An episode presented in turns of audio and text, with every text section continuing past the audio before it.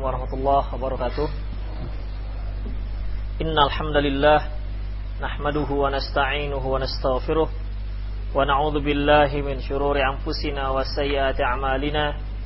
May yahdihillahu fahuwal muhtad wa may yudlil falan tajid lahu waliyyan mursyida Ashhadu an la ilaha illallah wahdahu la syarika lah wa ashhadu anna Muhammadan 'abduhu wa rasuluhu alladzi la nabiyya ba'dahu فقال الله سبحانه وتعالى يا أيها الذين آمنوا اتقوا الله حق تقاته ولا تموتن إلا وأنتم مسلمون.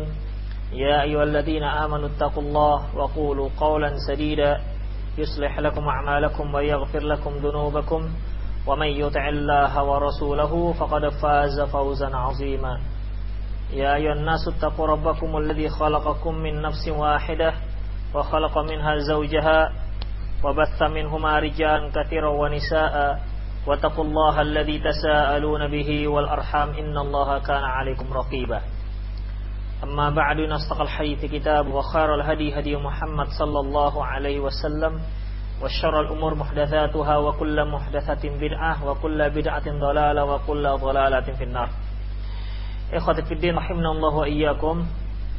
Kita masuk pada bab 241.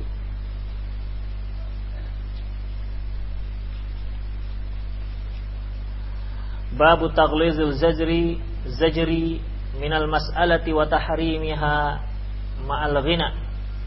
Bab sangat dicelanya meminta uh, meminta-minta dan haram hukumnya jika si pengemis itu adalah orang yang mampu. Qala ta'ala Allah Subhanahu wa ta'ala firman lil fuqara'i alladhina uhsiru fi sabilillahi la yastati'una darban fil ard yahsabuhumul jahilu aghniya min at-ta'affuf dan para fuqara orang-orang fakir yang di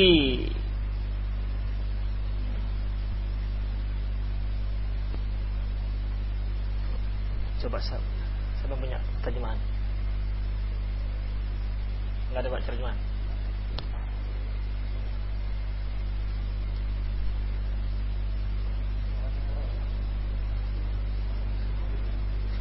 dan orang-orang fakir yang oh siru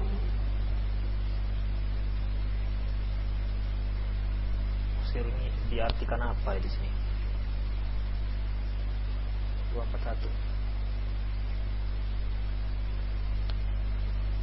Siru diartikan terikat jihad. Ya. Lil fuqara alladziina uhsiru fi sabilillahi la yastati'una darban fil ard. Dan orang-orang fakir yang terikat jihad fi sabilillah di mana mereka tidak sanggup untuk berpergian yahsabuhumul jahilu aghniya minat ta'affuf. Orang-orang jahil, orang-orang yang tidak mengetahui mengira mereka itu adalah orang-orang yang mampu. Minat ta'affuf dikarenakan mereka tidak meminta-minta. Ta'rifuhum bisimahum kamu dapat mengetahui mereka melalui tanda-tanda mereka yaitu la yas'alunan nasa ilhafa. Mereka tidak meminta orang-orang dengan cara mendesak. Wa ma tunfiqu min khairin fa innallaha alim. Apa yang kamu infakkan di jalan kebaikan sesungguhnya Allah Maha mengetahui. Al-Baqarah ayat 273. Ikhwafidin azallahu iyyakum. Di sini Allah Subhanahu wa taala memberikan karakter orang-orang fakir yang hidup pada zaman sahabat. Di mana orang-orang fakir yang hidup pada zaman sahabat, mereka berupaya sesanggupnya untuk tidak mengemis. Padahal mereka orang-orang yang tidak mampu. Dikarenakan mereka tidak terlihat meminta-minta, ya, orang-orang yang tidak mengetahui mereka itu mengira orang-orang fakirnya adalah orang-orang yang mampu. Nah, itulah yang mereka kira. Dikarenakan tidak terlihat orang ini meminta-minta. Yahsabuhumul jahil agniya. Orang-orang jahil, orang-orang tidak mengetahui mengira mereka itulah orang-orang kaya yang mampu. Di sini para ikhwatiddin menunjukkan bahwasanya keutamaan tidak meminta-minta. Sebenarnya dalam Islam tidak ada konsep meminta-minta, mengemis, ya tidak ada. Karena Rasulullah Sallallahu Alaihi Wasallam lebih menganjurkan kita itu untuk berusaha, berusaha dengan sekuat tenaga kita, dengan kemampuan kita untuk mencari nafkah sendiri dengan tanpa mengemis ataupun meminta-minta. Sesungguhnya hal itu lebih baik bagi kita ketimbang ya ketimbang mengemis. Memang ada beberapa keadaan di mana seorang itu boleh meminta-minta, namun ini tidak dianjurkan dalam Islam. Tidak meminta-minta itu lebih utama ketimbang meminta-minta walaupun mereka dalam keadaan e, memang membutuhkannya. Dalam hadis yang diriwayatkan oleh Imam Bukhari dan Muslim, An Ibnu Umar radhiyallahu anhu qala dia berkata, qala Nabi sallallahu la yazalu rajulu yas'alun nasa hatta yu hatta ya'ti yaumal qiyamati laisa fi wajhihi muz'atan lahmin Rasulullah Sallallahu Alaihi Wasallam bersabda, sesungguhnya tidaklah seorang itu terus meminta-minta kepada orang lain hingga nanti di hari kiamat dia akan terlihat, dia akan muncul, dia akan dihidupkan dengan wajah tanpa daging, wajah tanpa daging. Ya mungkin tekoraknya saja tinggal. Sebagian mengartikan mengapa demikian? uh, azab yang diberikan Allah kepada orang ini dikarenakan semasa dia di dunia dia meminta-minta tanpa memikirkan aib. Karena ya, bagaimanapun yang namanya mengemis itu satu aib. Satu satu hal yang kurang baik. Sehingga ketika dia ketika dia meminta-minta, dia menebalkan menebalkan mukanya. Ya. Kalau istilah orang Indonesia muka tembok. Orang yang tidak punya malu, muka tembok. Dia apain juga nggak peduli dia, ya sekeras tembok. Tidak ada lagi rasa malunya. Oleh karena itulah dia di hari kiamat diazab dengan muka tanpa daging, berarti tinggal tengkoraknya. Dalam hadis yang diriwayatkan oleh Imam Muslim, an Muawiyah radhiyallahu anhu qala dari Muawiyah radhiyallahu anhu dia berkata, qala Rasulullah sallallahu alaihi wasallam Rasulullah wasallam bersabda, "La talhafu fil mas'alah, janganlah kalian terlalu banyak meminta-minta. Fa wallahi la yas'alani ahadun minka syai'an fatukhriju lahu fatukhriju lahu mas'alatuhu minni syai'an illa wa ana karihun fayubariku lahu fima fima a'taituhu." Demi Allah, Tidaklah seorang itu meminta kepadaku, lantas aku memberikan kepadanya dalam keadaan aku tidak suka. Maka orang itu tidak akan mendapatkan keberkahan dari apa yang telah aku berikan. Di sini Rasulullah Shallallahu Alaihi Wasallam menyatakan tidak ada berkahnya orang yang diberi sesuatu dikarenakan meminta-minta. Ya, padahal tentunya di sini dia apa namanya tidak berhak mendapatkan hal itu. Tidak berhak mendapatkan uh, pemberian tersebut. Permasalahan di sini dia diberi dikarenakan meminta, itu masalahnya. Beda dengan diberi tanpa meminta. Orang yang memberi, diberi tanpa meminta itu adalah sebagaimana fakirnya orang-orang fakir di kalangan para sahabat. Dalam surat Taubah yang berkaitan dengan uh, dengan zakat di mana Allah Subhanahu wa taala menyebutkan innamas sadaqatu lil fuqara wal masakin. Sesungguhnya zakat itu diberikan kepada orang fakir dan orang miskin. Para mufassirin, mufassirun membedakan antara fakir dan miskin. Kalau fakir, dia orang yang miskin namun tidak mengemis, tidak meminta-minta. Sementara miskin, dia orang yang fakir yang meminta-minta. Oleh karena itu, disebutkan yang pertama lil fuqara Innamas sadaqatu lil fuqara wal masakin. Lebih didahulukan kita itu untuk memberikan kepada orang yang tidak mampu dan dia tidak mau meminta. Itu yang lebih didahulukan ketimbang orang yang mampu dan dia orang yang tidak mampu namun dia melakukan pengemisan. Apalagi kalau mengemis apa namanya dia mampu kemudian dia meminta-minta, ini malah haram hukumnya. Para khafidin rahimallahu wa iyyakum. Nanti akan disebutkan kapan seorang itu dikatakan fakir dan kapan dikatakan tidak. Sehingga dia boleh meminta. Hadis yang diriwayatkan oleh Imam Muslim, An Auf bin Malik Al-Asja'i radhiyallahu anhu, dari Auf bin Malik Al-Asja'i radhiyallahu anhu qala dia berkata, "Kunna 'inda Rasulillah sallallahu wasallam tis'atun aw thamaniyatun aw sab'atun." Ketika kami berada di dekat Rasulullah sallallahu wasallam di mana waktu itu mungkinan bilangan kami 9, 8 atau mungkin 7 orang. Faqala beliau bersabda, "Ala tubayyi'uni?" Ala tubayyi'un Rasulullah? Tidakkah kalian e, mengapa kalian tidak membaiat Rasulullah? E, wa kunna haditha ahdin bi bai'ah. Waktu itu kami baru saja berbaiat. Fakulna qad baya'na Rasulullah. Kami katakan, kami sudah membaiat Rasulullah. Summa qala dia kembali mengatakan, "Ala tubayyi'un Rasulullah?" Ala tubayyi'una Rasulullah? Mengapa kalian tidak membayar Rasulullah, fakulna qad bay'anak. Ya Rasulullah, kami katakan ya Rasulullah, kami sudah membayar kamu, sudah membayar Anda. Tsumma qala, lantas beliau kembali berkata, "Ala tubayyi'una Rasulullah?" Mengapa kalian tidak membayar Rasulullah? Kulna, fabasatna aydiyana, fakulna, qad bay'anaka ya Rasulullah, fa'ala ma nubayyi'uk? Lantas kami menyodorkan tangan kami seraya kami berkata, kami akan bayat Anda ya Rasulullah. Untuk perkara apa kami membaiat Anda? Qala ala an ta'budullaha wa la tusyriku bihi syai'a. Kamu membaiat saya yaitu berjanji untuk tidak untuk menyembah Allah dan jangan mensekutukannya. Wassalawatul khams dan untuk melaksanakan salat yang lima. Wa tuti'u dan taat. Wa asarra kalimatan khafiyatan lantas beliau menyebutkan dengan satu suara, suara lirih wala tas'alun nasa syai'an. Jangan meminta. Jangan meminta. Para khafidin meminta di sini tidak hanya berkaitan dengan harta. Meminta di sini ya minta tolong apa saja.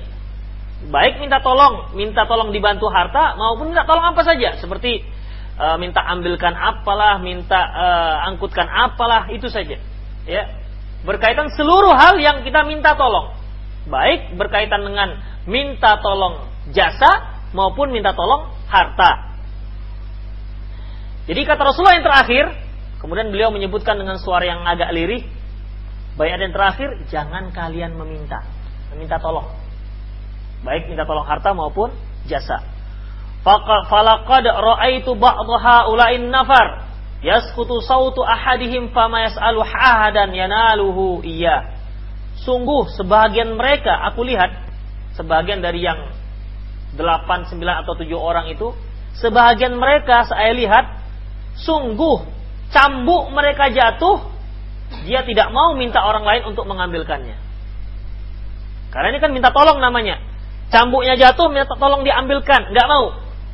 Mereka enggan. Kenapa? Karena mereka mereka merasa bahwasanya minta tolong itu termasuk bayat yang telah mereka janjikan kepada Rasulullah SAW yaitu yang terakhir tidak minta tolong kepada siapa pun tidak tidak tidak minta tolong kepada orang lain termasuk iya apakah sendalnya jatuh ataukah cambuknya jatuh. Demikian para ikhwatiddin azinallahu iyyakum. Demikianlah apa namanya bagaimana istiqomahnya para sahabat waktu itu. Dan mengambil makna ini menunjukkan apa? Para sahabat itu kalau seandainya mereka mengartikan memahami kalimat Rasulullah itu umum maka mereka umumkan. Tidak mereka khususkan. Seperti di sini la yas'alunna syai'an.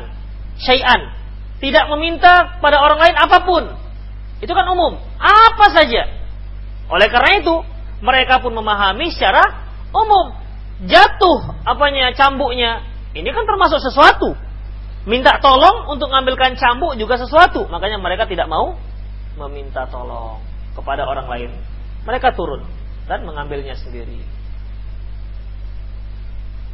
Hadis yang diriwayatkan oleh Imam Muslim. An Abi Hurairah radhiyallahu anhu qol. Dari Abi Hurairah radhiyallahu anhu dia berkata, qala Rasulullah sallallahu alaihi wasallam. Rasulullah sallallahu alaihi wasallam bersabda, "Man sa'alan nas amwalahum tukat takatsuron fa inna ma yas'alu jumran yastaq yastaqilla aw liyastakthir fal yastaqil aw liyastakthir."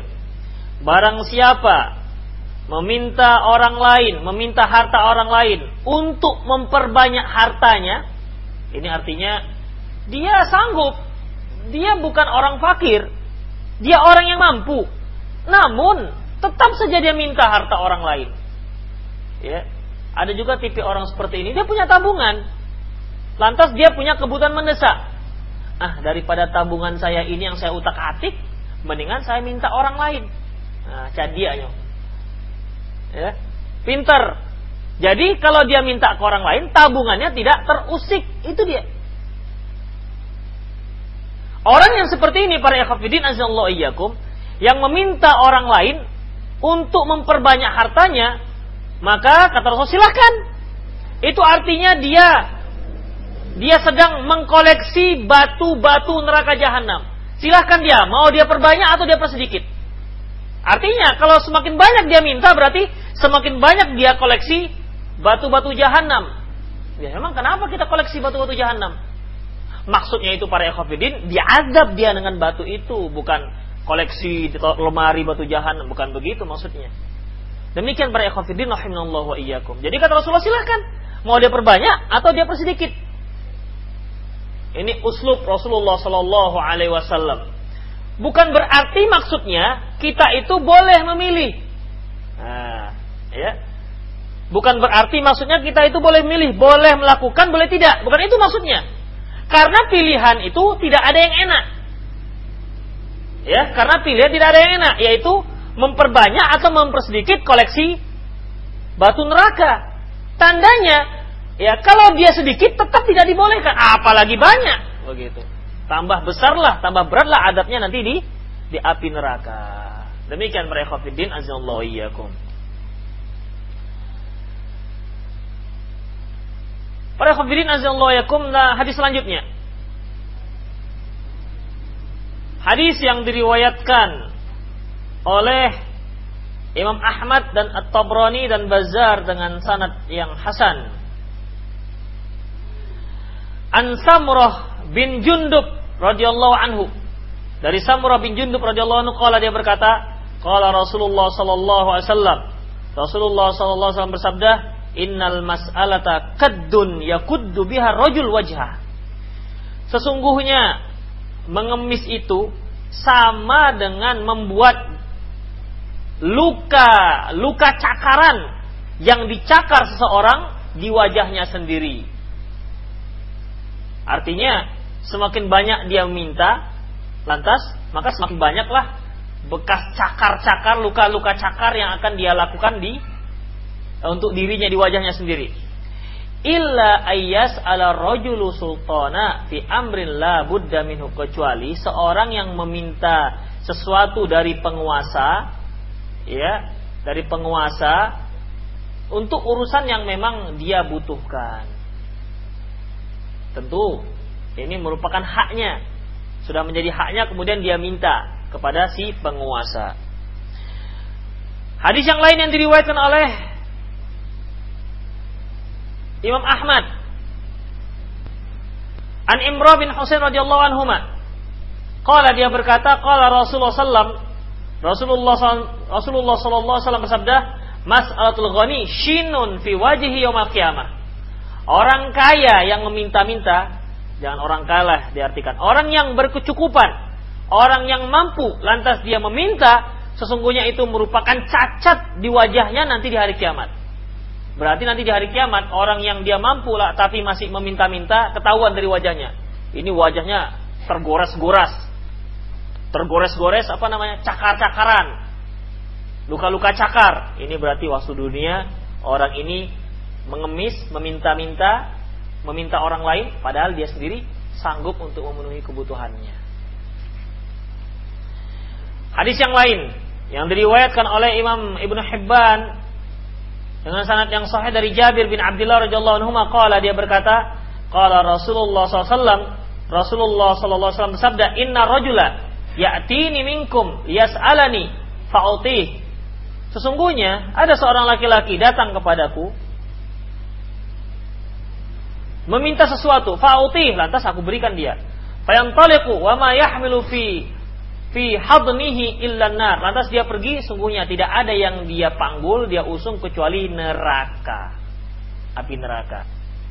Hadis ini para ikhwatiddin azallahu merupakan celaan terhadap pengemisan, meminta-minta. Tentunya ini semua para ikhwatiddin ditujukan kepada orang yang mampu. Ditujukan kepada orang yang mampu. Hanya saja di sini tidak disebutkan apa batasan yang dikatakan orang yang mampu. Tentunya kita harus tahu, ingin tahu apakah kita termasuk orang yang mampu sehingga kita haram untuk meminta orang lain ataukah kita orang yang tidak mampu sehingga kita dibolehkan. Nah, dibolehkan itu pun sekedar ya sekedar sampai dia mampu, bukan sampai dia berlebihan. Jadi uh, wajah yang tak berdaging di hari kiamat ataupun luka cakar yang di wajah atau mengusung api neraka atau mengkoleksi batu-batu neraka itu semua ditujukan kepada orang yang mampu namun dia tetap melakukan meminta-minta. Ada sebagian di masyarakat kita ini dia memang profesinya meminta-minta. Bersyukur dia kalau cacat. Syukur dia cacat. Kenapa? Dengan cacatnya itu dia bisa membuka profesi lapangan kerja baru yaitu meminta-minta. Terkadang dia sudah punya rumah, sudah punya lembu. Ya. Sengaja dia meminta-minta. Apalagi ada terkadang ada juga koordinatornya. Uh, bawa pick up diturunkan di simpang-simpang. Berapa pendapat nanti kalau sore dijemput lagi berapa pendapatan, nanti berapa persen untuk yang antar jemput, berapa persen untuk ketua, berapa persen untuk mereka. Demikian para ikhwatiddin azallahu iyyakum. Jadi ini seperti profesi. Di dalam Islam tidak ada profesi seperti ini. Kalau dia dalam keadaan memang butuhkan, boleh dia minta. Namun setelah dia mampu, maka hukum asalnya yaitu haram. Tidak dibolehkan. Nah, berikut akan dijelaskan mengenai batasan apa batasan orang yang dikatakan mampu dan tidak mampu yang dibolehkan atau yang tidak dibolehkan untuk meminta-minta. Mimfik hilbab di antara fikih bab yang pertama, taqlidu tahrimil mas'alah min ghairi hajatin aw liyajma'al kathir har, keharaman yang keras. Syariat sangat mengharamkan meminta-minta dengan tanpa keperluan atau hanya untuk menumpuk harta. Meminta namun untuk menumpuk harta. Yang kedua, mas'alatun nas min ghairi hajatin turithu dzil fid dunya wa wal adzabu fil akhirah meminta-minta orang lain, meminta-minta kepada orang lain dengan tanpa kebutuhan itu bisa mewarisi kehinaan di dunia dan azab di akhirat. Para khafidin azallahu yakum ya sudah lumrah kalau yang namanya pengemis itu tetap dipandang tidak memiliki derajat, ya, tidak dipandang sebelah mata oleh masyarakat. Walaupun dia orang yang memang membutuhkan. Ya. Kalau orang sudah seperti ini, kalaupun dia berbicara tidak begitu ada yang mendengarnya apalagi zaman kita sekarang ini masyarakat menilai dengan dengan dengan materi dengan material berapa banyak material orang tersebut berapa berapa indahnya berapa mewah kendaraannya berapa hebat uh, prestisenya penampilannya itu yang dipandang oleh orang lain ya ah, ketika dilihat sudah demikian maka orang pun akan lebih menghormati ketimbang orang yang tidak mampu. Demikian para ikhwatiddin iyyakum. Walaupun sekarang ini banyak orang yang terlihat mampu padahal tidak mampu. Banyak yang terlihat mampu, penampilannya mampu, tapi sebenarnya nggak mampu. Maksudnya apa para ikhwatiddin? Beli rumah, rumah kredit, beli mobil, mobil kredit, beli beli priuk, priuk kredit, sampai beli celana, celana kredit, jadi tiap bulan datang itu penagihnya, tiap kolektornya. Ya sebenarnya ini orang-orang yang terlilit utang, namun penampilannya hebat. Ya. Dan bukan satu hal yang rahasia lagi. Orang-orang yang kalau terlihat perusahaannya seolah-olah uh, top ataupun uh, apa namanya ya terlihat bonafit, ya itu dia harus berpenampilan baik. Walaupun mungkin modalnya sedikit di sana, tapi dia hutang. Dia akan cari mobil yang untuk memberikan penampilan yang baik. Yang tadinya dia bawa tas itu diselempangkan, ya kan seperti antum bawa tas selempangkan. Kalau mau jadi top itu harus dijinjing, pakai tangan, ditenteng. Kan terlihat terlihat apa namanya? Terlihat uh, apa namanya? Terlihat profesional lah begitu. Profesional muda. Tapi kalau masih diselempangkan walaupun se seberapa pun apa namanya? mahal tas itu kalau masih diselempangkan itu masih kurang penampilan kurang apa namanya? prestisnya kurang masih masih kurang tinggi. Nah, demikian, ya. Antum pergi ke pesta, pinjam mobil antum, pinjam, pinjam mobil teman yang Fortunernya misalnya atau yang Xenia-nya pinjam. Wah, itu nanti disambut dan disongsong ke meja makanan. Itu. Tapi antum bawa sepeda. Bawa sepeda. Assalamualaikum, salam. Macam-macam nggak nengok begitulah kira-kira. Nah, demikian para ikhwatiddin azallahu iyyakum. Ya, jadi orang itu melihat kan penampilan. Bagaimana penampilannya? Tapi kalau antum mau melamar janganlah Pak pinjam-pinjam mobil, nggak usah. Tunjukkan apa adanya. Inilah saya Pak calon. Nah, gitu. Oh, saya pinjam-pinjam nanti ketahuan aslinya baru tahu. Ada juga yang jenis demikian para ikhwan ditanya, "Apa di uh, profesinya?" Distributor. Ya, distributor. Saya tanya, "Sih, distributor apa?" Itu yang jual-jual door to door. Oh, sales bilang aja. Sales distributor. Susah sekali. Kemudian para ikhwafidin azinallahu iyyakum. Kita lanjutkan ya. Uh, nomor tiga ah, ini dia masalah batasan mampu dan tidak mampu. Ikhtalafa ahlul ilmi fi haddil ghina alladhi la yajuzu ma'u su'al Para ulama berbeda pendapat tentang batasan orang yang dikatakan mampu yang tidak boleh meminta. Ila aqwamin muta'addidatin. Pada beberapa golongan kaum. Artinya derajat, tingkatan. Yang pertama, man malaka khamsina dirhaman au qimatuha min dhahabin wastadalla ashabu hadzal qaul bi hadis Abdul Mas'ud radhiyallahu anhu. Qala qala sallallahu man sa'ala nas walahu mayughnihi ja'a yaumal qiyamati mas'alatuhu fi wajhi khumush au khudus au quduh. Pendapat yang pertama mengatakan uh, mereka yang memiliki 50 dirham. 50 dirham. 50 dirham itu dia kalau kalau satu dirham sebanyak 3,675 gram perak. Dirham itu perak ya para ikhwatiddin. Mata uang dahulu ada dirham, ada dinar. Kalau dirham itu mata uang perak. Satu dirham sama dengan 6, tadi saya cari ini 3,675 gram perak. Berarti kalau 50 ya antum hitung saja. Atau yang seharganya mana tukang mas? Datang. Gak datang ya? Ada yang datang. Berapa sekarang harga se segram perak? Siapa yang tahu? Hah? Ribu? Iya, benar lima ribu. Hah? Satu gram. Berarti kalau lima puluh gram, ah ngalikan gitu ya susah. Lima kali lima berapa? Hah? Dua ratus lima puluh ribu. Kita ulangi ya.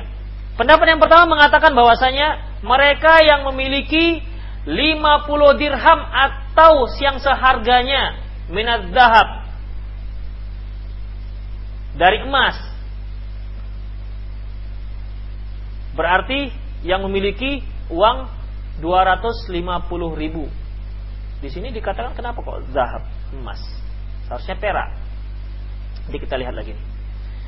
Mereka berdalilkan dengan dengan fir, uh, dengan hadis dari Abdullah bin Mas'ud di mana Rasulullah SAW bersabda, Barang siapa yang meminta orang lain, meminta-minta pada orang lain sementara dia memiliki sesuatu yang mencukupinya, maka di hari kiamat nanti di wajahnya akan uh, akan ada uh, luka cakaran ya. Ini kudus, khumus, kudus, kudus itu sama. Kila ya Rasulullah. Dikatakan, "Ya Rasulullah, wa ma yughni?" Berapa batasan dikatakan dia itu sanggup ataupun cukupan? Qala kata beliau, khamsu nadirham au qimatuha minadz zahab. Sekitar 50 dirham atau yang se uh, atau yang seharganya dengan seharganya dari emas. Berarti kalau 250 uh, ribu tadi ya, 250 ribu berarti emas berapa itu? Berapa gram? Hah? Sekarang berapa emas satu gram?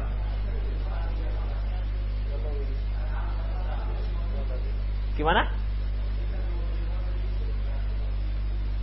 Oh ya satu dirham tiga gram, tujuh ratus lima puluh ribu, iya tujuh ratus lima puluh ribu. Berarti kalau emas berapa itu? Berapa gram? Ya antum hitung aja lah ya, hitung aja sendiri. Nanti antum hitung sendiri, kemudian tengok uh, kemampuan dompet antum. Uh, apakah antum termasuk orang yang boleh mengemis ataukah tidak? Uh. Kalau nggak sampai, boleh. Nanti bilang ke saya, Ustaz saya termasuk gitu. Qala Tirmidzi, berkata Imam Tirmidzi, wala amalu ala hadza 'inda ba'di ashabina. Dan amalan dan sebagian uh, teman-teman kami ulama-ulama bermazhab kami mengamalkan hadis ini. Wabihi qaulu Tsauri wa Abdullah bin Mubarak wa Ahmad bin Ishaq dan ini adalah pendapat yang dipegang oleh At-Tauri, Abdullah bin Mubarak dan Ahmad serta Isa bin Rahwi. Qalu idza kana 'inda rajuli khamsuna dirhaman lam tahillahu sadaqah.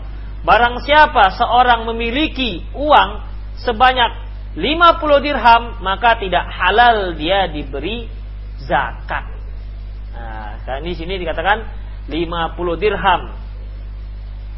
Berapa tadi berarti? 700 750 ribu. Pendapat yang kedua, kalau ba'dhum man malaka auqiyah. Barang siapa yang memiliki satu auqiyah. Satu auqiyah itu para ikhwafidin 40 dirham. Satu auqiyah 40 dirham berarti 147 gram perak. Ya. 147 gram perak. Itu kalikan 5000 au miqdaruha arba'una dirhaman atau yang atau sekitar 40 dirham lam tahillahul mas'alah was da, maka tidak halal bagi dia meminta-minta. Wastadallu bi hadisi rajulin min bani asad. Dan hal itu berdasarkan dalil hadis seorang dari bani asad. Qala dia berkata nazaltu ana wa ahli bi baqi al-gharqat. Aku dan keluargaku singgah di Baki Gharqat nama tempat. Faqala li ahli lantas uh, keluargaku berkata, istriku berkata, "Idhab ila Rasulullah fas'alhu lana syai'an na'kulu." Pergilah kepada Rasulullah dan minta padanya sesuatu yang bisa kita makan. Faja'alu yadhkuruna min hajatihim. Lantas mereka pun menyebutkan beberapa kebutuhan mereka. Fadhahabtu ila Rasulillah sallallahu alaihi wasallam, maka aku pun pergi menghadap Rasulullah SAW. Fawajatu indahu rajulan yas'alu. Kemudian di sana aku dapati ada seorang meminta beliau, sedang meminta beliau. Jadi dia keduluan. Ada orang lain sebelum dia datang. Rasulullah SAW nakul dan sementara Rasulullah bersabda, la ajidu ma'otik. Kata Rasulullah, aduh aku nggak punya apa-apa yang bisa kuberikan kepadamu. Subhanallah ya Rasulullah Rasulullah didatangi para sahabat dimintain. Ya, Rasulullah beri. Sementara kan antum segan kan kalau minta ke tempat ustaz. Artinya proposal minta segan kan? Malah Rasulullah, malah sahabat kalau mau minta, minta pada Rasulullah begitu. Subhanallah. Nah, emang itulah jauh sekali kita.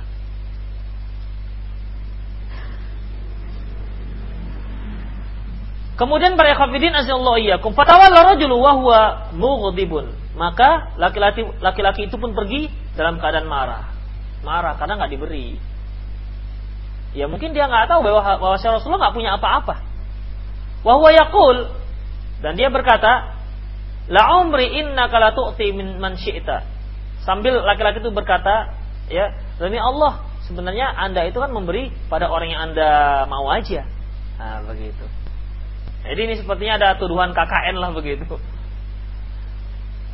Kemudian faqala Rasulullah SAW. Lantas Rasulullah bersabda, Innahu la yaghdabu alayya. Sungguhnya dia marah kepadaku. Allah ajidu ma'oti. Karena aku nggak ada memiliki apa-apa yang bisa aku berikan. Man sa'ala minkum malahu awqiyah aw adluha faqad sa'ala ilhafa. Barang siapa yang meminta, barang siapa di antara kalian yang meminta-minta sementara dia memiliki satu auqiyah ataupun yang semisalnya, satu auqiyah tadi berapa? 40 dirham. Sekitar berapa? Berapa ribu? Hah? Yang kuat lah. 140 gram kali 5 kali 5 ribu 147 nah sekitar 700 sekitar 700 kita kita artikan aja dengan uang rupiah ya barang siapa di antara kalian yang meminta-minta sementara dia punya uang 700 ribu lebih begitu 735 ribu sekitar begitu Fakat sa'ala ilhafa berarti dia telah meminta ilhafa, meminta yang mendesak. Padahal seharusnya kan tidak layak dia lakukan hal itu. Ya, seperti laki-laki ini. Dia marah. Kemudian, qala al-Asadi, berkata al-Asadi, "Qultu lil qahti lana khairun min auqiyah." Sesungguhnya uh, seekor unta seekor unta betina milik kami lebih baik daripada satu aukiyah. Qala Malik wal aukiyah berkata Imam Malik, aukiyah adalah arba'una dirham. Satu aukiyah itu adalah 40 dirham. Qala faraja'tu walam as'alhu. Lantas aku pun kembali pulang. Dan aku tidak memintanya. Jadi laki-laki tadi yang dia singgah di Baki Gorkot, kemudian keluarganya mengatakan pergi kepada Rasulullah, minta apa yang kita butuhkan. Kemudian Ketika dia datang ternyata udah ada laki-laki di situ juga meminta pada Rasulullah. Tapi Rasulullah nggak memberi karena memang nggak ada apa-apa. Lantas Rasulullah mengatakan barang siapa yang punya 40 apa barang siapa yang memiliki uang sebanyak satu aukiyah yaitu 40 dirham berarti dia meminta-minta yang nggak dibolehkan. Tidak boleh dia meminta. Mendengar itu laki-laki tadi nggak jadi meminta. Berarti dia punya uang ah 40 dirham. Akhirnya ketika itu ketika aku mendengar hal itu apa maka aku pun pulang nggak jadi minta fakud fakudima ala Rasulullah sallam ba'da dzalika bi syair wa zabib setelah itu didatangkan untuk Rasulullah sallam gandum dan kismis faqassama lana minhu hatta aghnana Allah azza wa jalla lantas Rasulullah membagikannya kepada kami sehingga Allah memberikan kami kecukupan jadi boleh kalau diberi tanpa meminta boleh Ya. Misalnya antum datang ke rumah saya ini Ustadz, saya belikan sebuah mobil. Boleh, saya terima dengan senang hati. Saya terima dengan senang hati. Cobalah, mau nggak percaya. ah, demikian. Tapi kalau meminta nggak boleh. Itu masalahnya. Meminta ini nggak boleh. Kalau diberi berarti uh, tidak dibolehkan. Bagaimana? Tapi uh, tapi zakat ini Ustadz gimana? Nah, kalau zakat dia katakan nggak boleh. Kalau zakat nggak boleh. Zakat itu ada orang-orang tertentu yang dibolehkan. Pendapat yang ketiga, wa dhahaba ba'dhum anna man wajada ma ma yughdihi aw yughashihi fala tahillahul mas'alah. Pendapat yang ketiga mengatakan barang siapa yang punya stok untuk makan siang dan makan malam, maka nggak boleh minta-minta. Oh dia. Nah, tentunya makan siang makan malam. Itu berarti kalau antum makan siangnya serba 6 ribu, berarti 12 ribu. Kan begitu. Kalau dia punya punya anak 10, ya kali kelas, kali makan, kali 10, 60 misalnya. Berarti 120 ribu. Untuk makan itu berarti nggak boleh minta-minta lagi. Jadi antum perkirakan. Berarti sarapan nggak termasuk ya. Sarapan nggak masuk di sini. Makan siang dengan makan malam aja. Wastadallu bihadisi bihadisi Sahli bin bin Al-Hanzaliyah. Hal ini berdasarkan dalil Sahal bin Al-Hanzaliyah qala dia berkata qala Rasulullah Rasulullah SAW bersabda man sa'ala wa indahu ma yughni fa innahu yus yas uh, yastakthiru minan nar barang siapa yang meminta-minta sementara dia itu berkecukupan maka itu artinya dia memperbanyak api neraka untuk dirinya. Faqala ya Rasulullah ma yughni ya Rasulullah apa yang dikatakan orang yang sudah bercukup kecukupan qala qadru ma yugh qadru yugh ya yaghdihi wa yaghashih yaitu sebanyak yang dapat dia jadikan untuk makan siang dan makan malam. Demikian para ikhwatiddin. Ya kalau kita ya apa namanya untuk anak-anak anak dua istri satu paling enggak ya empat puluh ribu kan untuk makan satu hari lah begitu cukup cukup empat puluh ribu istri satu ya bukan istri dua istri satu anak dua cukup ya empat puluh ribu Hah? Ya cukup kalau kita 2 juta satu hari juga cukup. Maksudnya sudah mencukupi yang asal lah begitu ya. Nah, cukup 40 ribu pas itu ya. Pas. Itulah lebih kurang. Itu kalau istri satu, anak satu. Tapi kalau istri dua dari masing-masing istri ini ada dua anak, berarti istri dua anak empat jadinya. Itu hitunglah. Yang untuk yang dia nafkahi makan siang dan makan malam, sarapan nggak termasuk. Sarapan nggak termasuk. Nah, demikian. Kalau anaknya lima, nah. kemudian yang keempat, wadahaba ahlul ilmi fil jam'i baina hadzal aqwal ilal madahib muta'addidah. Uh, para ulama mengkompromikan beberapa pendapat ini dalam beberapa mazhab. Pertama, zahaba ba'du ahli ilmi ila anna al-hadis Sahal bin al-Hanzaliyah mansukh. Sebagian ulama mengatakan bahwasanya hadis Sahal bin Al-Hanzaliyah mansuh. Dihapuskan hukumnya. Hadis uh, Al-Hanzaliyah ini hadis Sahal bin Al-Hanzaliyah yaitu hadis yang berkecukupan yaitu mereka yang punya makan siang dan malam. Ini dikatakan mansuh dengan hadis-hadis sebelumnya yang memiliki 40 dirham. Ba hamala ba'du ahli ilmi hadis Sahal bin Al-Hanzaliyah ala man la tahillahu mas'alah uh, sebagian ulama uh, meng, meng, mengartikan hadis Sahal bin Al bin Al Hanzaliyah yang tidak boleh meminta-minta faman malaka qutu yaumihi la yahillahu as-su'al yaitu barang siapa diartikan hadis Al Sahal bin Al Hanzaliyah ini barang siapa yang memiliki uh, stok makanan satu hari barang siapa yang memiliki stok makanan satu hari maka dia dikatakan orang yang berkecukupan tidak boleh meminta-minta. Ini juga berdasarkan hadis para ikhwafidin di mana Rasulullah menyebutkan barang siapa yang memiliki persediaan makannya satu hari berarti dia telah mendapatkan dunia dan seisinya. Telah mendapatkan dunia dan seisinya. Kalau kita masih dapat satu hari, besok masih gelisah. Jangankan satu hari, sebulan masih punya stok kita untuk sebulan, kita mikirnya gimana bulan depan? Udah gelisah dia, padahal bulan depan masih lama. Itulah dia para ikhwatiddin. Wa ajazu daf as-sadaqah liman lam yamlik nisab wa in kana sahihan muktasib. Ah, ulama yang ini membolehkan memberikan sedekah ataupun zakat kepada orang tersebut yaitu orang yang tidak memiliki harta mencapai nisab walaupun dia tidak cacat dan dia mampu bekerja. Wa hamala ba'du ba'duhum haditha Sahli bin Al-Hanzalah ala man wajada ghada yaumihi wa wa ashaihi. Ghada yaumi wa asha'ahu ala daimil awqat. Para uh, sebagian ulama eh, pendapat yang kedua mengkompromikan antara hadis Hanzalah dengan Sahal dengan hadis yang sebelumnya yaitu barang siapa yang punya stok makan siang dan malam ya tetap memiliki stok makan siang dan malam. Artinya bukan untuk satu hari. Dia sudah punya stok untuk makan siang dan malam. Daim, artinya terus, continue. Maka dia tidak boleh uh, untuk meminta. Kultu. Ini Syekh Salim bin Al-Hilali memberikan komentarnya, "Iddi'an nasakh la yasihu li adami wujudil murajjih li ahad li ahadiha 'alal akhar." Pernyataan bahwasanya hadis Sahal bin Al-Hanzaliyah mansuh itu tidak bisa diterima karena tidak ada yang tidak ada dalil yang menyatakan hadis ini mansuh. Wal jam'u muyassar. Untuk mengkompromikan hal ini mudah.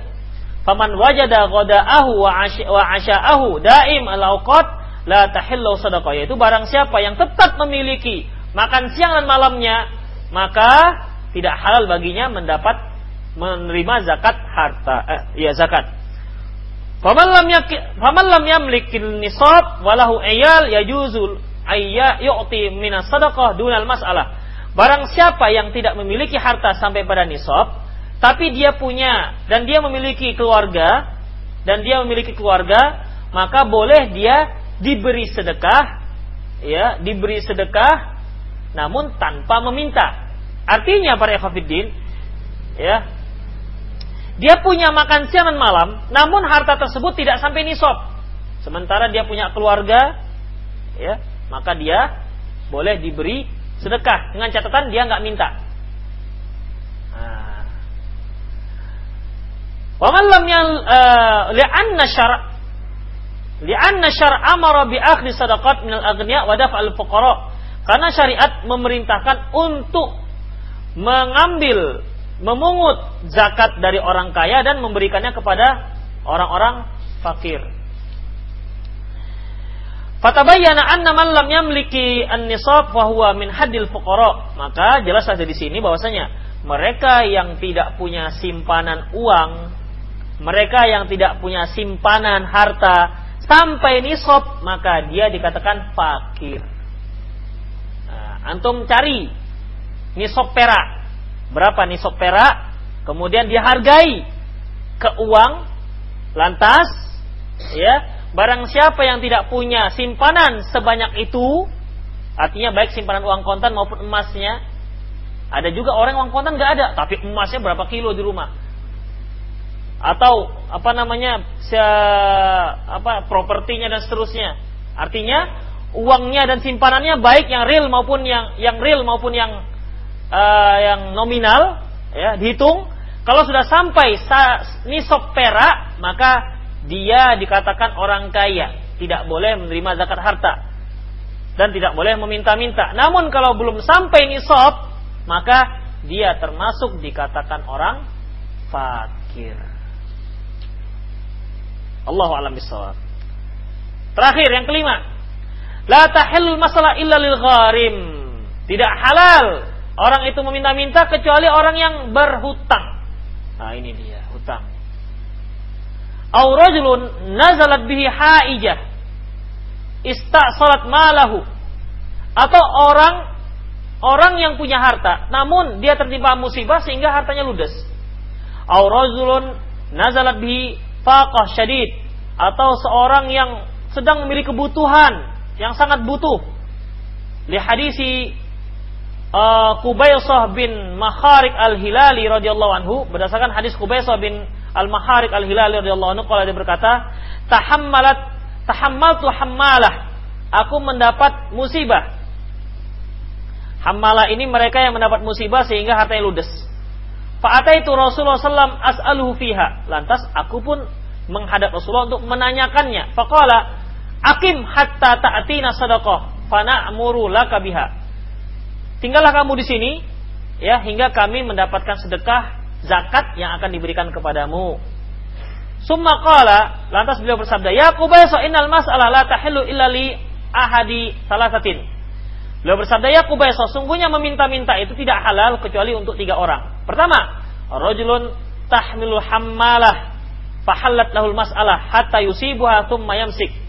Seorang yang tertimpa musibah sehingga hartanya ludes, maka dia boleh meminta-minta ya, meminta-minta hingga dia sanggup. Kalau sudah sanggup, berarti dia hentikan meminta-minta.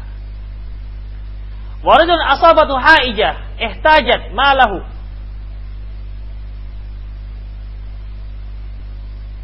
Afan tadi hamalah lain ya artinya. Hammalah yaitu roju seorang yang uh, berhutang untuk mendamaikan dua orang yang sedang bertengkar. Itu yang dikata hamalah. Seorang yang berhutang untuk mendamaikan dua orang yang bertengkar. Terkadang kan untuk mendamaikan orang itu butuh butuh modal para ikhwatiddin. Misalnya ini ada pertengkaran hebat, kemudian antum ingin menyelesaikannya, undang dia makan. Undang makan, makan itu kan nggak gratis. Di mana antum cari makan gratis? Makanya ya berhutanglah untuk menyediakan makan, udang teger, udang lipan, ya supaya me, apa namanya menenangkan hati mereka. Senang mereka kan, nggak pernah makan udang lipan. Udang apa ini? Senang, dua-duanya juga. Akhirnya sudah selesai kenyang, ya, nah, baru diselesaikan. Tapi pun nengok-nengok ke orang yang dia apa namanya darah tinggi makan udang lipan nanti tambah marah dia. Tentunya lihat kondisi orangnya. Kalau orang seperti ini boleh diberikan zakat. Atau orang yang tertimpa musibah sehingga hartanya habis. Fahalat lahul masalah hatta yusibu kawaman min aish. Maka dia boleh meminta-minta hingga dia mendapatkan harta yang bisa dia gunakan untuk menopang kehidupannya. Qala syaddat min aish yaitu untuk menopang kehidupannya. Rajul asabathu faqah hatta yaqumu salahata min dawil hajah. Seorang yang yang mendapat seorang yang fakir dalam keadaan dalam keadaan sempit hatta salasa hatta yakumu salasa hingga uh,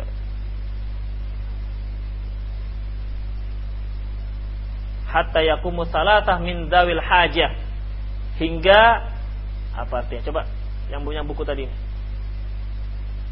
ditutup bukunya coba yang terakhir di Antum menyimak tadi di sini? Enggak. Oh gitu.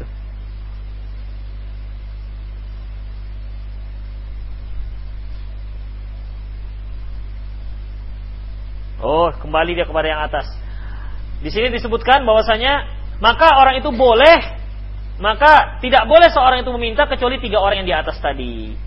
Min kaumin, min laqad asab, laqad asab, laqad asabat fulan faqah fahallat lahul mas'alah hatta yusibu qawaman min 'aish aw qala dan seterusnya. Fama siwahunna minal mas'alati yaqubaisah suhtan ya'kuluha sahibuha suhtan. Barang siapa yang selain yang tiga itu maka yaqubaisah haram hukumnya dia makan harta tersebut haram hukumnya.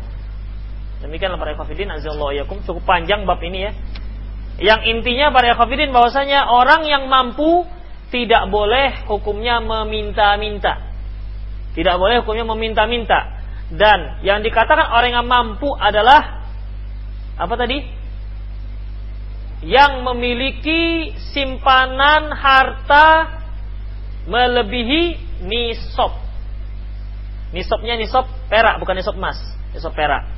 Nah itu dia. Batasannya orang dikatakan kaya dan yang fakir.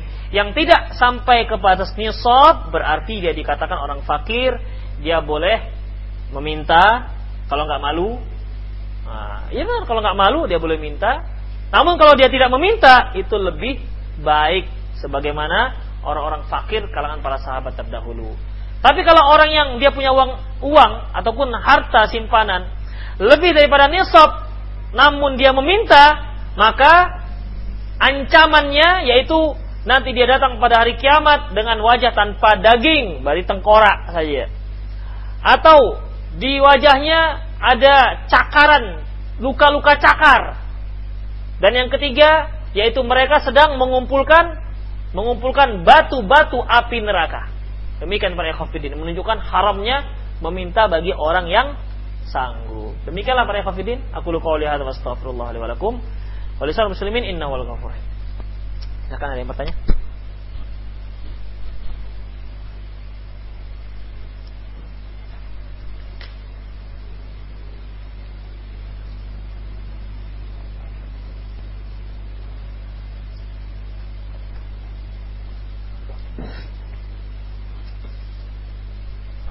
Sila-sila. Langsung juga boleh. Pakai surat juga boleh. Apa hukumnya minta jabatan? Salah seorang sahabat datang kepada Rasulullah Shallallahu Alaihi Wasallam, minta jabatan ya Rasulullah, tolong diberikan saya jabatan ini dan itu. Apa kata Rasulullah? kami tidak memberikan kepada orang yang memintanya. Ya, kami tidak memberikan kepada orang yang memintanya. Jabatan apa saja. Karena kalau orang sudah meminta jabatan, berarti pada khafidin ya yang dia inginkan adalah dunia. Itu pasti itu. Pasti yang diinginkan adalah dunia. Sementara yang namanya jabatan itu itu merupakan tanggung jawab. Jadi gubernur itu tanggung jawab. Coba bayangkan di hari kiamat antum mempertanggungjawabi orang satu provinsi. Kira-kira bagaimana? Keluarga aja nggak beres, mau satu provinsi. Atau satu kabupaten lah, usah. Satu kabupaten kota. Kenapa di sana ada yang tempat orang jual minum khamar? Tanya, kamu kan bupatinya kan? Iya Allah, iya betul, betul. Itu kenapa ada? Gak tahu. Ya Allah, gak tahu kami. Kenapa gak tahu? Kan begitu. Nah, begitulah terusnya. Atau camat. Demikian terusnya para ikhwatiddin azallahu iyyakum. Makanya bagi seorang pemimpin sebenarnya yang harus dia perhatikan adalah beratnya tanggung jawab. Makanya dahulu para khulafaur rasyidin kewalahan mencari orang untuk diangkat jadi gubernur. Ada yang satu orang alim, ketika dia tahu mau diangkat, lari. Sampai dia nggak mau keluar rumah, berondok, bersembunyi di bawah tempat tidur. Sampai Umar bin Khattab kecarian, mana ini orang ini nggak nampak? Sampai seperti itu. Ketika ketemu, marah Umar bin Khattab. Kalian angkat aku jadi khalifah, kemudian kalian biarkan aku sendiri. Begitu. Kalau sekarang, kalian angkat aku sendiri, biarkan aku sendiri. Aku yang kerjakan sendiri. Tambah banyak uangnya. Nah, demikian para ikhwatiddin. Karena apa yang dipikirkan itu adalah tanggung jawabnya nggak sanggup. Sulit. Tapi itu mana dipikirkan sekarang. Memang gue pikirin yang gitu-gitu, yang penting kan uangnya. Bagaimana dengan orang kaya mampu meminta sesuatu suatu proyek padahal masih ada yang berhak? Orang kaya mampu meminta suatu proyek. Ini kan pekerjaan, lain. Ya, misalnya uh, ekor antum ada yang nganggur. Saya misalnya saya punya stok tapi apa namanya? nggak ada kegiatan. Kemudian saya datang. Akhi, tolonglah saya kasih kerjaan. Mau gaji berapa ya? Dua dua juta, tiga juta nggak masalah. Kalau memang ada, misalnya begitu. Itu minta kerjaan, itu bukan meminta-minta namanya. Tidak meminta-minta yang dimaksud yang kita bicarakan. Ini minta uang apa? Minta apa namanya? Yang yang yang mentahnya gitu. Minta uang langsung. Akhirnya mintalah duit. Demikian. Kalau seandainya pekerjaan dikatakan meminta-minta, berarti seluruh kaum muslimin harus menciptakan lapangan kerja sendiri-sendiri. Nanti siapa pegawainya? Dan itu yang dimaksud. Bagaimana relevansi bab ini dengan surat Al-Maidah tentang tolong menolong. Para kafirin tadi telah kita sebutkan bahwasanya kalau diberi tanpa meminta boleh dengan catatan tidak apa namanya bukan masalah uang zakat. Adapun kalau yang diminta itu pekerjaan, itulah yang dimaksud dengan fata'awanu al birri wat taqwa wala ta'awanu 'alal itsmi udwan. Jadi ketika seorang itu menerima pegawai itu kan artinya dia mengharapkan bantuan orang ini, bantuan tenaga orang ini. Begitu. Misalnya dia toke madu, dia nggak sanggup cuci botol sendiri, maka dicarinya lah. Kebetulan ada yang minta, minta kerjaan. Udah, antum tugasnya cuci botol, gajinya sekian, kan begitu. Ini namanya tahun, saling apa namanya, saling take and give lah begitu, saling tolong menolong. Yang dia memberikan jasanya cuci botol, yang ini memberikan jasa itu berupa gaji. Itu tahun namanya, boleh. Apakah termasuk dalam bab ini kita meminta kepada kawan kita untuk mencari pekerjaan ini kan sudah masuk. Ustadz ketika seorang masbuk pada waktu nanti lagi. Ustadz boleh anak yang sudah meninggal loh sama. Di luar permasalahan. Ada yang masuk masalah masih? Ya. Hah? Minta kerjaan? Minta kerjaan pada orang kafir.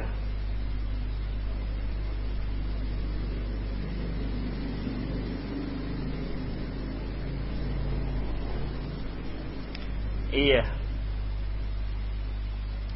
Kalau saya katakan nggak boleh, Ali bin Abi Thalib pernah menjadi pegawainya orang kafir, tukang timba, orang Yahudi.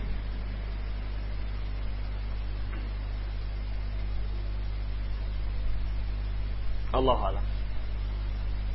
Saya memikirkan masalah satu yaitu innala nasta'inu bil musyrik. Kami tidak minta tolong pada orang musyrik. Meminta kerjaan itu minta tolong juga ya? Minta bantuan juga kalau minta kerjaan. Hah?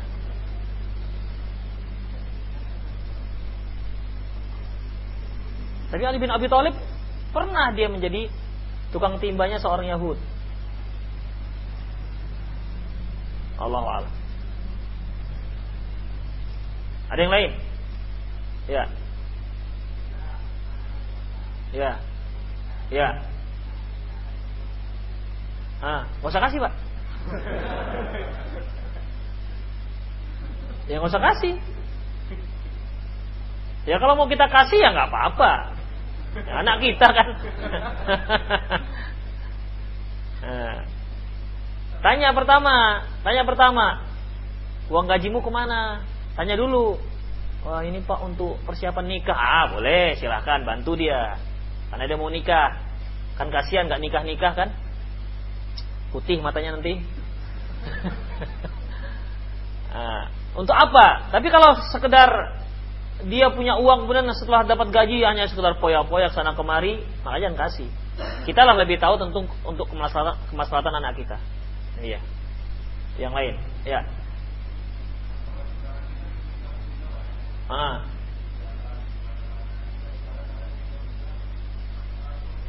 Iya.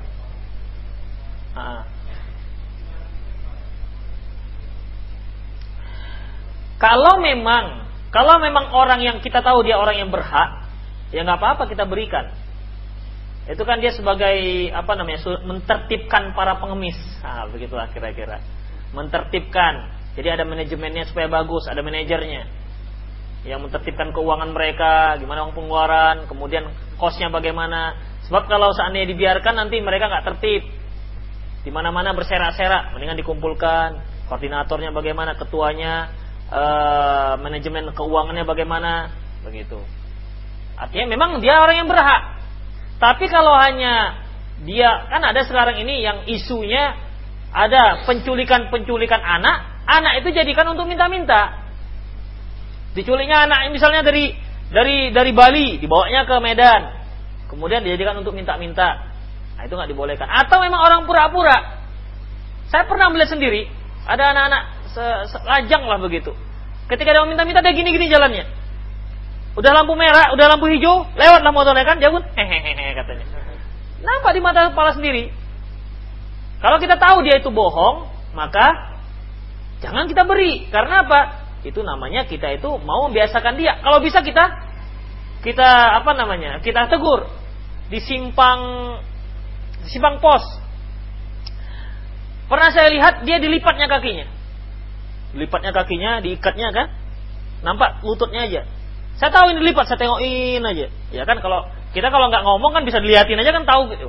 Ini curiga dia ini kan begitu. Dia ngeliatin saya, saya ngeliatin dia kakinya begitu. Ini dilipat ini. Orang dekat dia sengaja itu. Ya kan itu namanya amar ma'ruf dengan isyarat itu. Begitu. nah, daripada nampak. Nah, demikian para ikhwafidin boleh ya. Eh, maksudnya boleh kita kita nggak memberi untuk pelajaran bagi dia, jangan sampai seperti itu. Kalau kita beri nasihat yang bagus itu lebih baik.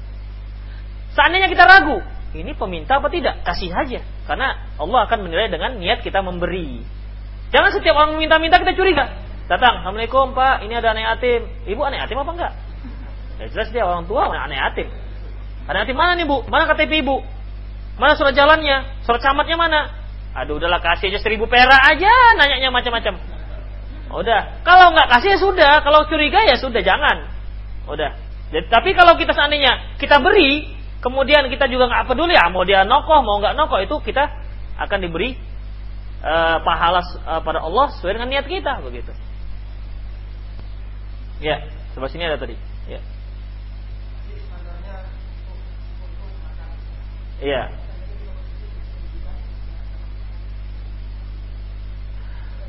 Uh -uh. Ah. Ah.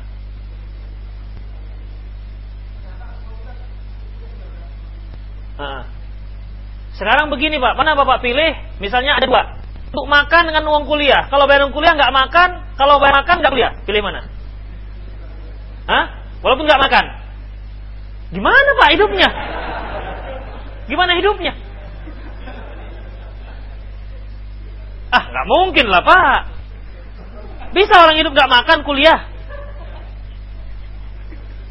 Ah, itu perlu tahu kita nih apa rahasianya nih. Kita belajar aja nggak usah makan-makan gitu. Ah. Yang yang yang yang kita maksud masalah makan ini kan artinya bahan bahan pokok kebutuhan primer kita kan begitu kebutuhan primer. Kalau masih ada yang kita harapkan berarti masih ada namanya. Ini kita uang kita nggak ada yang lain. Kalau kita bayar pendidikan anak kita, kita nggak makan sebulan, misalnya. Ya. Jadi memang terancam ini, kondisinya memang terancam. Harus pilih antara bayar uang sekolah atau untuk makan. Tidak ada pilihan. Bukan bukan artinya uh, masih ada yang bisa diharapkan. Sekarang memang belum, nanti tiga hari lagi ada begitu. Bukan itu maksudnya. Memang harus memilih. Tidak ada yang bisa tidak tidak ada tidak apa namanya tidak tidak tidak tidak bisa kita dua-duanya ataupun harus memilih salah satunya. Kalau satu diambil maka satu tidak dapat begitu. Bak, bak makan apa namanya buah simalakama, tapi tetap ini dia harus memilih. Pendidikan penting, makan lebih penting. Kalau kita hidup, kita bisa belajar. Kita belajar, mati, kan nggak bisa belajar. apa begitu maksudnya? Kalau ini maksud saya itu harus memilih, ya, maka ya kita pilih yang makan. Masalah pendidikan bisa diundur. Ya, masa pendidikan bisa diundur. Jadi kalau seandainya uh, apa namanya untuk makan cukup, tapi sisanya itu nggak cukup untuk kuliah atau untuk pendidikan anak kita bagaimana? Kalau untuk makan cukup, tapi kan sekarang kebutuhan tidak hanya makan, sekolah anak, uang sekolah, nah itu bagaimana? Apakah termasuk orang kaya oleh karena itu para azallahu ayyakum ya pendidikan itu ya pendidikan itu apa namanya kan relatif. Kalau pendidikan relatif. Tentunya pendidikan yang kita pendidikan yang kita maksud yaitu pendidikan yang memang wajib bagi si anak untuk mengetahuinya. Itu dia. Tapi kalau misalnya uh, pendidikan, namun pendidikannya misalnya untuk mengetahui bagaimana cara berbengkel misalnya memperbaiki sepeda motor. Tentu kan ini tidak termasuk dalam ilmu yang memang wajib untuk dia ketahui. Nah, demikian. Jadi itu juga harus dipilah-pilah. Oke lah, misalnya kalau dia mau belajar akidah tapi harus bayar. Kalau nggak dia nanti nggak tahu akidah. Kita pilih yang mana? Apakah dia termasuk fakir misalnya? Untuk makan iya, tapi untuk kuli sekolah ini diniyahnya harus juga sisanya begitu. Memang tidak tidak tidak tidak cukup uangnya. Kecuali harus untuk ada pendidikan. Kalau sudah diambil untuk pendidikan maka habislah uangnya. Apakah dia boleh meminta-minta? Hah? Allahu alam bisawab kalau masalah ini. Allahu alam. Mengapa demikian para ikhwatiddin? Karena permasalahannya yang namanya pendidikan itu bisa dia dapati dari berbagai macam cara. Tidak harus bayar, ada. Ya, ada pendidikan yang harus bayar. Tentunya tidak formal lah. Tidak formal. Karena kan pendidikan tidak harus formal. Sekarang itu yang menyulitkan kita itu harus formal ilmu agama misalnya. Keinginan kita tuh kepinginnya mau formal. Kalau bisa yang udah ini ada tingkatannya terus terus sampai kuliah sampai dia mendapat S1 walaupun setelah S1 nggak tahu apa-apa. Yang penting tingkatannya itu sekarang ini. Sedalam apa pun dia ilmunya tapi kalau nggak ada S1-nya nggak dipandang oleh masyarakat. Nggak bisa ngajar dia. Nggak bisa dia ngajar nggak bisa jadi dosen. Walaupun ilmunya di atas profesor yang punya universitas itu Karena yang menilai sekarang adalah uh, embel-embel belakangnya itu. Demikian para ikhwatiddin, ya. Allah alam bisawab kalau masalah itu. Ustaz ketika seorang masbuk pada waktu sholat jahar, misalnya sholat subuh, imam sudah selesai sholat, dan yang masbuk tadi berdiri untuk melengkapi yang kurang. Apakah yang masbuk tadi mengeraskan bacaannya, mengeraskan bacaan Al-Qur'annya? Kalau dia keraskan ya bagus, karena subuh itu sholatnya jahar. Kalau enggak ya enggak ada masalah. Ustaz apa boleh anak yang sudah meninggal diakekahkan? Iya. Rekhafirin rahimanallahu wa iyyakum. Allahu alam bisawab. Mengenai anak yang sudah meninggal diakekahkan, uh, akekah itu kan berkaitan dengan kesanggupan. Kesanggupan orang tua. Kullu mauludin marhunun bi aqiqatihi. Semua yang lahir itu tergadai dengan akikahnya. Ya. Tergadai dengan akikahnya. Kemudian para ikhwatiddin, akikah itu kan berkaitan dengan kesanggupan. Kalau seorang nggak sanggup mengakekahkan, maka tidak ada hukum bagi dia. Nah, sekarang ketika anak itu lahir, nggak sanggup kita akekahkan, belum sanggup kita akekahkan, belum sempat kita akekahkan, dia meninggal. Bagaimana? Maka para ekhafiddin azallahu iyyakum sesuatu yang sudah melewati batas akekahan itu 7, 14 atau 21. Selebih itu masalah khilafiyah, masalah mengakekahkan pada waktu sudah besar seterusnya. Ya. Maka hal ini para ekhafiddin azallahu iyyakum kalau memang waktu-waktu masa diakekahkan dia memang nggak sanggup maka tidak ada hukum baginya. Dan para ekhafiddin perlu antum ketahui masalah ini banyak perdebatan di kalangan para ulama. Kemarin eh, sekitar sebulan yang lalu saya ada mendengar bahwasanya bolehnya mengakekahkan anak yang sudah meninggal. Ada mengatakan boleh dikarenakan ada sebuah hadis bahwasanya Rasulullah mengakekahkan anaknya Ibrahim atau Qasim gitu setelah dia meninggal. Namun sampai sekarang saya belum jumpai hadisnya. Itu salah satu apa namanya pendalilan mereka yang mengatakan e, boleh mengakekkan anak yang sudah meninggal. Allah alam bisawab. Saya belum jumpakan hadisnya. Apa benar Rasulullah mengakekkan Ibrahim? Ah ini dia. Apa benar Rasulullah mengakekkan Ibrahim yang sudah meninggal dunia? Ini ini yang tadi saya maksud. Ternyata ada di bawah. Saya belum jumpakan hadisnya. Saya pernah dengar ini, ada yang mengatakan demikian. Tapi saya sampai sekarang belum jumpa hadisnya. Allah. Demikianlah para kafirin Ya sudah jam 10 kurang 15 Antum juga seperti sudah sangat gelisah saya tengok. Tadi goyang-goyang dari tadi Goyang sana goyang sini. Ya sampai di sini saja kajian kita. Aku lu qauli hadza astaghfirullah li wa lakum muslimin. Innahu wal rahim. Assalamualaikum warahmatullahi wabarakatuh. Mati